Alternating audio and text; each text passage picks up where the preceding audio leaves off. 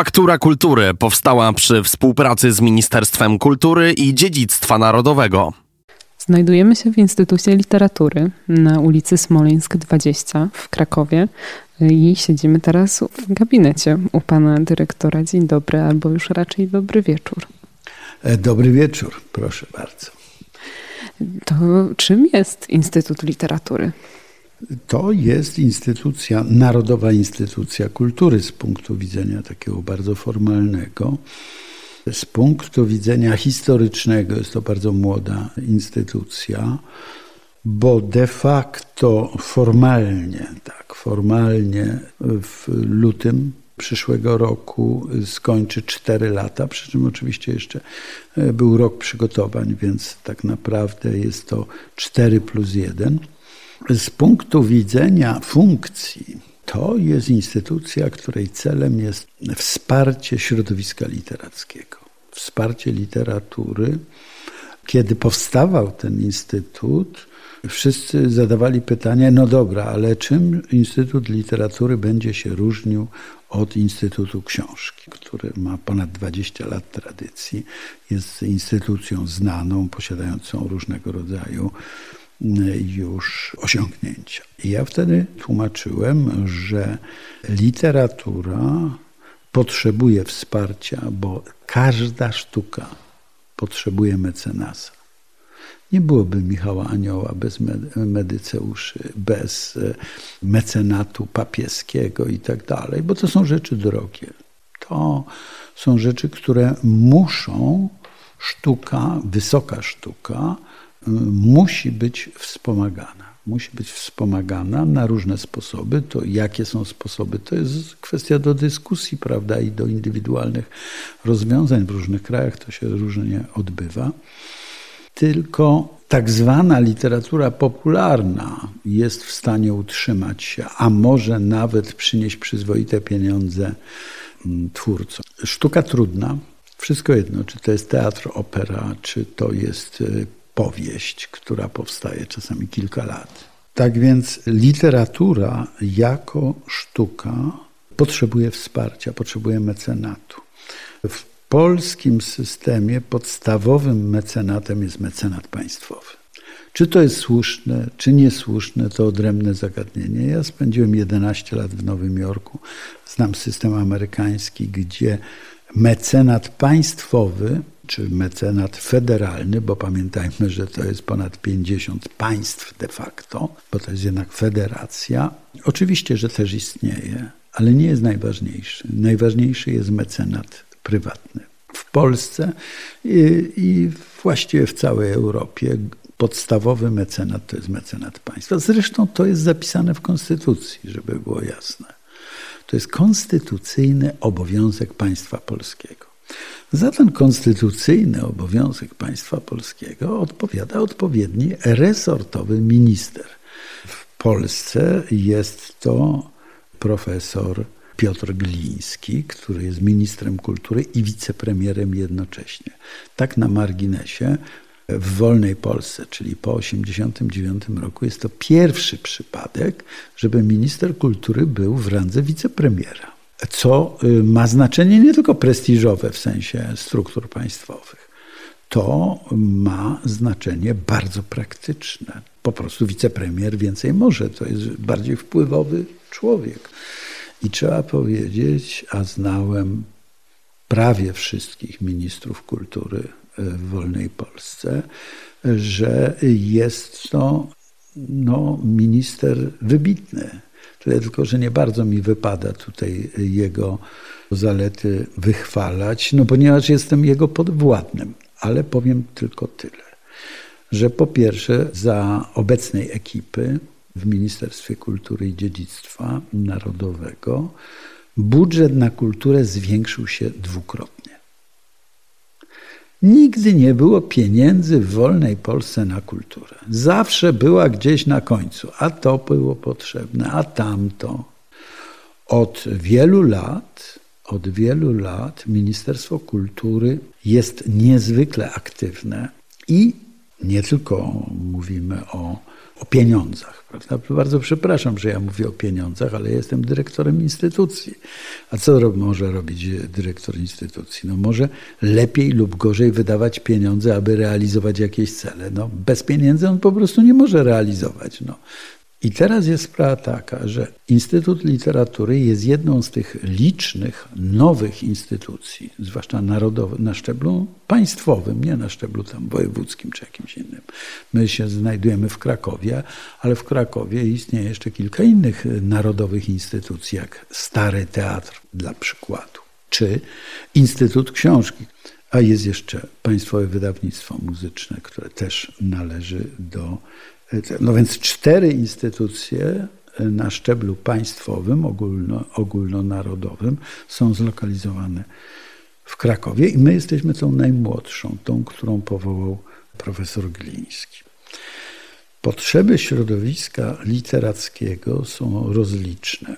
Czym się różnimy od Instytutu Książki? Instytut Książki wspiera polską literaturę od strony wydawców tam lokuje pieniądze, aby dzieła literackie po pierwsze były rozpowszechniane w Polsce, prawda? Po drugie, to jest jedna z takich najważniejszych funkcji Instytutu Książki, to są projekty translatorskie.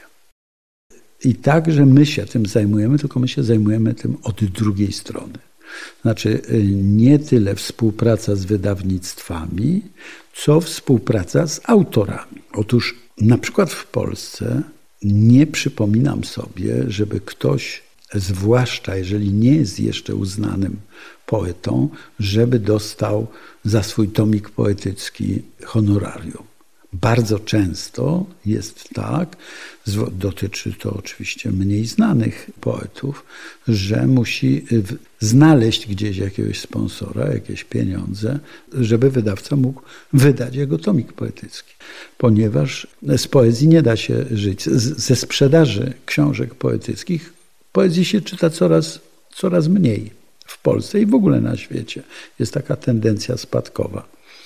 Dzisiaj, bardzo przepraszam, ale nawet kilkutysięczne nakłady Czesława Miłosza, czy Zbigniewa Herberta, czy, czy Wisławy e, Szymborskiej, nawet Różewicza, który znowu jest modny, bo przez pewien czas, powiedziałbym, było mniejsze zainteresowanie jego poezją, prawda? Czyli mówimy o tak zwanej wielkiej czwórce polskiej poezji XX wieku, no to kiedyś nakład 10-20 tysięczny ich kolejnego nowego tomiku no, rozprzedawało się w ciągu tam no, najdalej tygodnia. I to trzeba było zdobywać. Dzisiaj nawet bardziej znani poeci, jeżeli to jest tysiąc egzemplarzy, to to się sprzedaje przynajmniej rok, dwa. To nie jest produkt komercyjny. To nie są książki, które się rozchodzą jak e, powieści kryminalne w stylu e, nordyckim. Bardzo często ja słyszę takie argumenty, a te argumenty były niezwykle silne na początku lat 90., że proszę bardzo, przecież literatura powinna utrzymać się sama. Kto kupuje czyjąś książkę, no to sponsoruje w ten sposób, czy też daje zarobić literatowi. Jeśli by tak było, to chcę powiedzieć, że najwybitniejsze dzieła po prostu by się nigdy nie ukazały. Czyli jednym z głównych zadań Instytutu jest e, walka z komercjalizacją literatury. A jakie są jeszcze w takim razie cele Instytutu? Jakie zadania sobie postawił? Żeby to uściślić, e, naszym priorytetem jest to, aby autor otrzymał honorarium.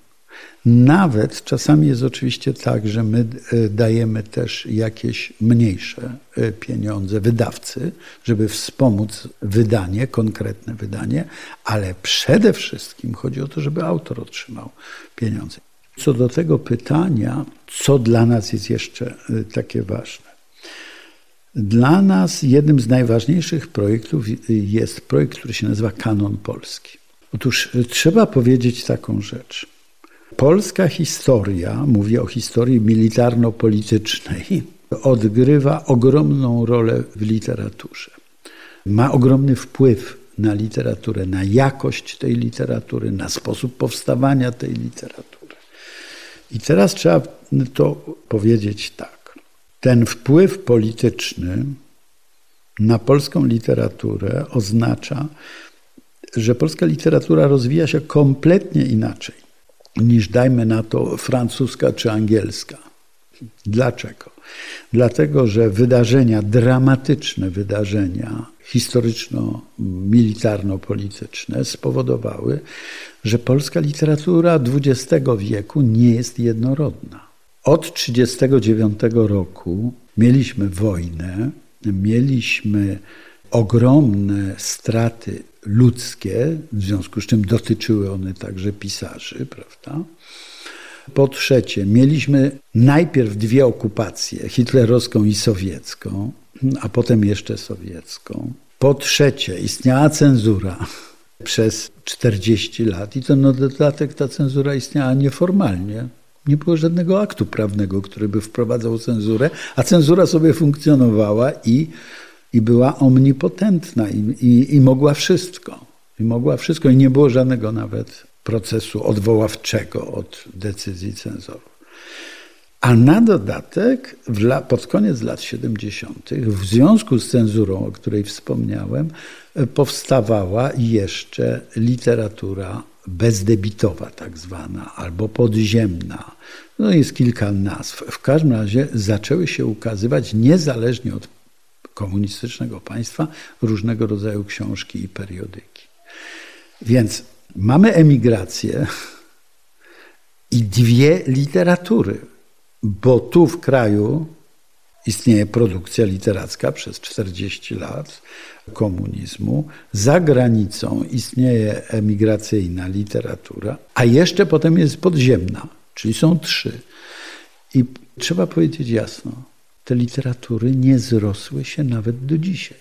Kiedy ja w latach 70. byłem studentem, to ja się od kolegi dowiedziałem, że y, żyje Kazimierz Wierzyński. No bo tak, na studiach uczyliśmy się, że to był ważny skamandryta do 1939 roku, a potem jakoś tak, a co się z nim stało? No pewnie zginął na wojnie albo coś. Dopiero od kolegi się dowiedziałem, że właśnie Wierzyński niedawno zmarł. I pożyczył mi tomik wydany na emigracji. Chcę powiedzieć, że oczywiście na przykład Czesław Miłosz ze względu na Nobla, ze względu na to, że długo żył i po 1989 roku mógł wrócić do Polski. Tak, on jest, ale to jest jedyny taki przykład. To jest jedyny taki przykład, żeby emigracyjny pisarz polski, który cały tam PRL spędził na Zachodzie, żeby się tak przebił nie mówię o świadomości światowej, ale o świadomości Polaków. Ale to jest absolutny wyjątek. Owszem, Gombrowicz był bardzo znany i ceniony jeszcze w czasach PRL-u i się o nim mówiło, ale to też były środowiska zainteresowane literaturą. To były głównie środowiska zawodowe. Tu teatrolodzy, tu e, literaturoznawcy i tak dalej. Herling Grudziński, może też jeszcze jakoś tam znany, zwłaszcza, że też przeżył 89 rok i na przykład dziennik pisany nocą, ostatnie te jego zapisy dziennika pisanego nocą były drukowane już w wysokonakładowej Rzeczpospolitej, w dodatku weekendowym plus minus, w dodatku y, kulturalnym. Ale naprawdę to większość społeczeństwa zna Herlinga Grudzińskiego, jeżeli zrobiła maturę, zna z jednego opowiadania Wieża a jest to jeden z najważniejszych pisarzy polskich. Józef Łobodowski, jeden z lepszych poetów e, okresu międzywojennego, który całą, całą resztę swojego życia po 1939 roku spędził, spędził w Madrycie, spędził w Hiszpanii. Najpierw w więzieniu, bo nielegalnie przekroczył granicę, a potem już na stałe został. Współpracował z Radiem Madryt ponieważ y, funkcjonował w kraju generała Franco, no to jako faszysta był najbardziej, jednym z najbardziej wyklętych pisarzy polskich. Wydaliśmy jego try, tak zwaną trylogię ukraińską. To jest wybitna powieść, jedna z najlepszych powieści polskich napisanych w XX wieku. Niezwykle sensualistyczna, niezwykle obrazowa, bo to poeta napisał. Tam jak się, jak się czyta tę powieść, to nie tylko się widzi, oczywiście w całej barwie wszystkich kolorów ten świat przedstawiony, się słyszy, nawet zapachy się czuje. Wspomniany Kazimierz Wierzyński, Jan Lechoń i tak dalej, i tak dalej. No naprawdę literatura polska która po 1939 roku powstała na emigracji, jest co najmniej tak dobra jak literatura, która powstała w PRL-u, a trzeba przyznać, że w PRL-u poza oczywiście ogromną ilością chłamu literackiego powstawały dzieła wielkie, głównie zresztą poetyckie, ale nie tylko. Więc kanon polski ma za zadanie między innymi przywrócić świadomości literackiej w Polsce to, co zostało napisane przez emigrantów. Po drugie, w czasie PRL-u oczywiście żyli tutaj w Polsce y, pisarze, którzy też byli jakoś tam marginalizowani. Na przykład Janusz Krasiński, człowiek, który spędził parę lat w stalinowskim więzieniu, wybitny dramaturg większość jego rzeczy albo nie została wydana, albo została wydana w jakimś minimalnych nakładzie. No jest prawie w ogóle nieznana. Chcę powiedzieć, że do takiego kanonu zaliczamy też jeszcze jedną grupę pisarzy, na przykład poetów młodo zmarłych. Halina Poświatowska, czy na przykład Tomek Półka, no całkiem, żeby takich o najmłodszych powiedzieć, ale przecież wracając od połowy XX wieku do dzisiaj, to mamy najpierw poetów warszawskich, takich jak Gajcy, Baczyński, no ale oni, oni, oni akurat są dobrze znani, prawda? To są bohaterowie Powstania Warszawskiego. Ale też powiedzmy sobie szczerze, jak się czyta Gajcego albo Baczyńskiego, to widać, jaki to jest ogromny talent. Ale to jest zapowiedź wielkości. Gdyby oni przeżyli, moglibyśmy oczekiwać dzieł wielkich i genialnych, takich na poziomie, nie wiem, e, Herberta czy, czy, czy, czy Różewicza. Ale tego to się już nie stanie, prawda? To się nie mogło stać, bo, bo zginęli.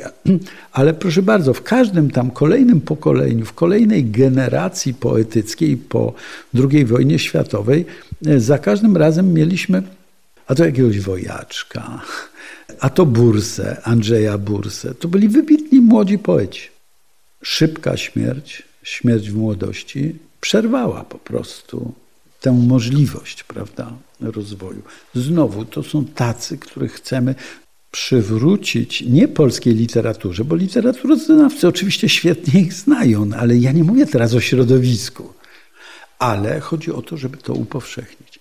A kiedy już mówię o, o, o uczelniach wyższych, kiedy mówię o polonistyce krajowej, to znowu to jest bardzo ważne, żeby wspomagać wydawanie tekstów historyczno-literackich i krytyczno-literackich. Nasze książki to są książki edukacyjne. Jest taka formuła. Są książki naukowe, na przykład wydania krytyczne tu Mickiewicza czy kogoś, ale to się robi tylko tam, jeśli chodzi o największych pisarzy polskich. Otóż zmiana, zmiana cywilizacyjna i zmiana, jaka zaszła w szkołach polskich, zmiana w programach nauczania. Trzeba powiedzieć, że te 30 lat wolnej Polski to dla szkoły średniej jest tragedia. Dlaczego? Dlatego, że te, te, że te szkoły uczą coraz mniej i coraz mniej wymagają.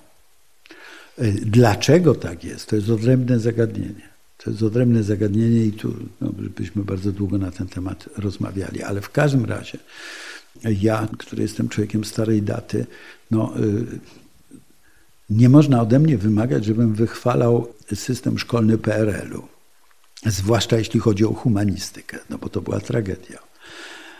No ale naprawdę, jeżeli dzisiejszy magister wie tyle o literaturze polskiej, co wiedział maturzysta 30 lat temu, to jest dobrze. To taka kąśliwa uwaga. Otóż chodzi o to, że po pierwsze są poważne braki w wykształceniu. Ci wszyscy pisarze, na przykład Czesław Miłosz albo Zbigniew Herbert, którzy czerpali z dorobku kultury europejskiej, począwszy od starożytności po czasy dzisiejsze. Oni pisali dla czytelnika, który był wykształcony, któremu nie trzeba było tłumaczyć niektórych rzeczy.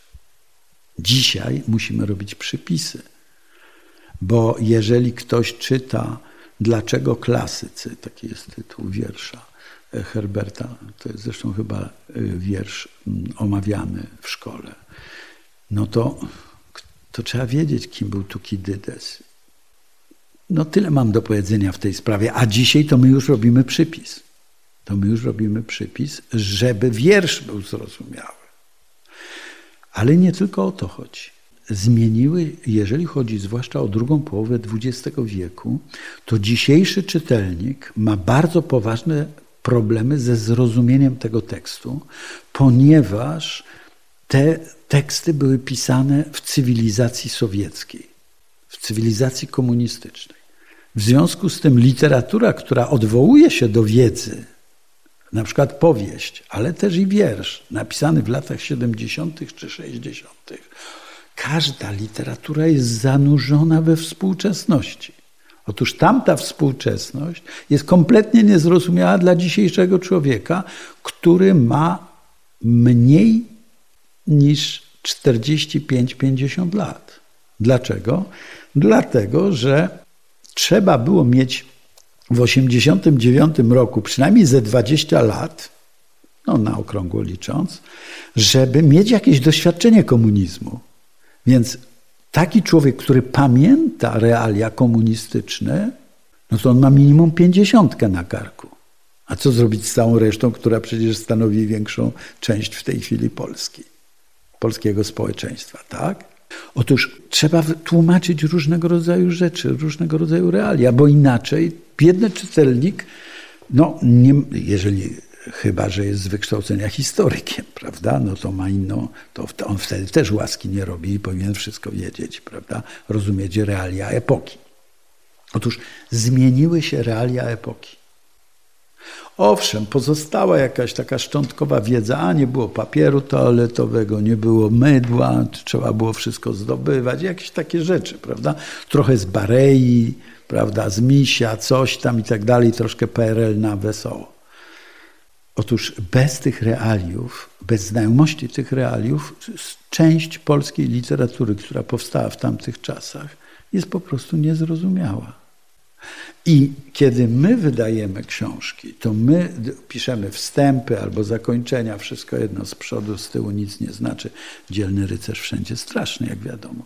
Ale chodzi o to, że my to robimy, robimy z objaśnieniami. Po to, żeby się czytelnik nie zagubił. Nie, to nie jest tak, że my mu podajemy jakąś interpretację, że mu wciskamy jakąś ideologię i tak dalej. Nie, my mówimy po prostu o realiach, żeby, żeby to, co się czyta, było zrozumiałe. Dobrze, to ja może tak podsumuję, żeby nasz słuchacz się nie zagubił w działalności Instytutu, czyli Instytut tak wspiera inne wydawnictwa, wspiera pisarzy współczesnych, sam wydaje książki, w tej chwili trwa cały czas, rozumiem, i ten projekt jest kontynuowany, kanon polski, w ramach którego wydawane są na nowo dzieła i przede wszystkim dzieła e, pisarzy emigracyjnych. No i podziemnych też. I podziemnych też. I do tego te książki uwspółcześnia w tym sensie, że je objaśnia, są przepisy, są objaśnienia dla czytelnika, który, e, jak pan dyrektor powiedział, nie ma 50 lat na karku, mógł zrozumieć. Zgadza się? No tak, y, y, przynajmniej mówimy o takich dziełach, które wymagają znajomości kontekstu y, historycznego, tak. No to jest to ogrom pracy. Natomiast jakie są najbliższe plany Instytutu? Co jest planowane? Jakieś projekty? Co się będzie działo w najbliższym czasie? O, to jest bardzo trudne pytanie, dlatego że my mamy produkcję ciągłą. Bo ja jeszcze nie powiedziałem o czymś takim, w jaki sposób my to robimy. Jeden z najważniejszych sposobów jest taki, że my co kwartał wydajemy przynajmniej trzy powieści albo trzy teksty historyczno-literackie, e, plus wydajemy jeszcze kwartalnik, o czym chciałem powiedzieć osobno. I taki pakiet jest drukowany w ogromnym, jak na dzisiejsze czasy, nakładzie 8 tysięcy egzemplarzy. Z tego 7 tysięcy, my tu w ogóle nawet go w instytucie nie widzimy, tych, tych książek, tych egzemplarzy ponieważ drukarnie, jeżeli wygrywają przetarg, żeby coś takiego wydrukować, od razu muszą zrobić dystrybucję. Mamy listę bibliotek szkół średnich oraz szkół wyższych, czyli wszystkie biblioteki uniwersyteckie i, i liceów ogólnokształcących otrzymują od nas po jednym egzemplarzu naszej takiej tej głównej produkcji. Te książki, które na przykład z kanonu, o których mówiłem, prawda? I to jest jedna, jedna część naszej działalności, nastawiona przede wszystkim na uczniów szkół średnich. I znowu, nie na wszystkich uczniów szkół średnich, żeby było jasne. Większość z nich nie jest zainteresowana literaturą, a jeszcze mniejsza część nie jest zainteresowana literaturą wysoką, literaturą trudną, która wymaga, która nie jest tylko rzeczą przyjemnościową, ale jest literaturą, która domaga się sporego wysiłku intelektualnego. Więc powiedzmy sobie wprost, to jest dla elit. Znaczy, my tych elit nie wybieramy. One nas wybierają albo nie. W każdym razie tych kilku, kilkunastu uczniów w szkole średniej, którzy są bardziej zainteresowani literaturą, którzy na przykład będą brali udział e, w olimpiadzie polonistycznej, ci nauczyciele języka polskiego, czy i literatury polskiej w szkole średniej, prawda? To jest nasz potencjalny odbiorca, potencjalny czytelnik, to jest nasz potencjalny klient, którego kochamy. No i jest oczywiście student. Jest student Wydziału Humanistycznego, który może też ma mm, takie bardzo rozbudowane zainteresowania literackie, albo wręcz studiuje e, czy to literaturę polską, czy na przykład literaturę obcą, prawda, ale musi też znać i polską literaturę przy okazji.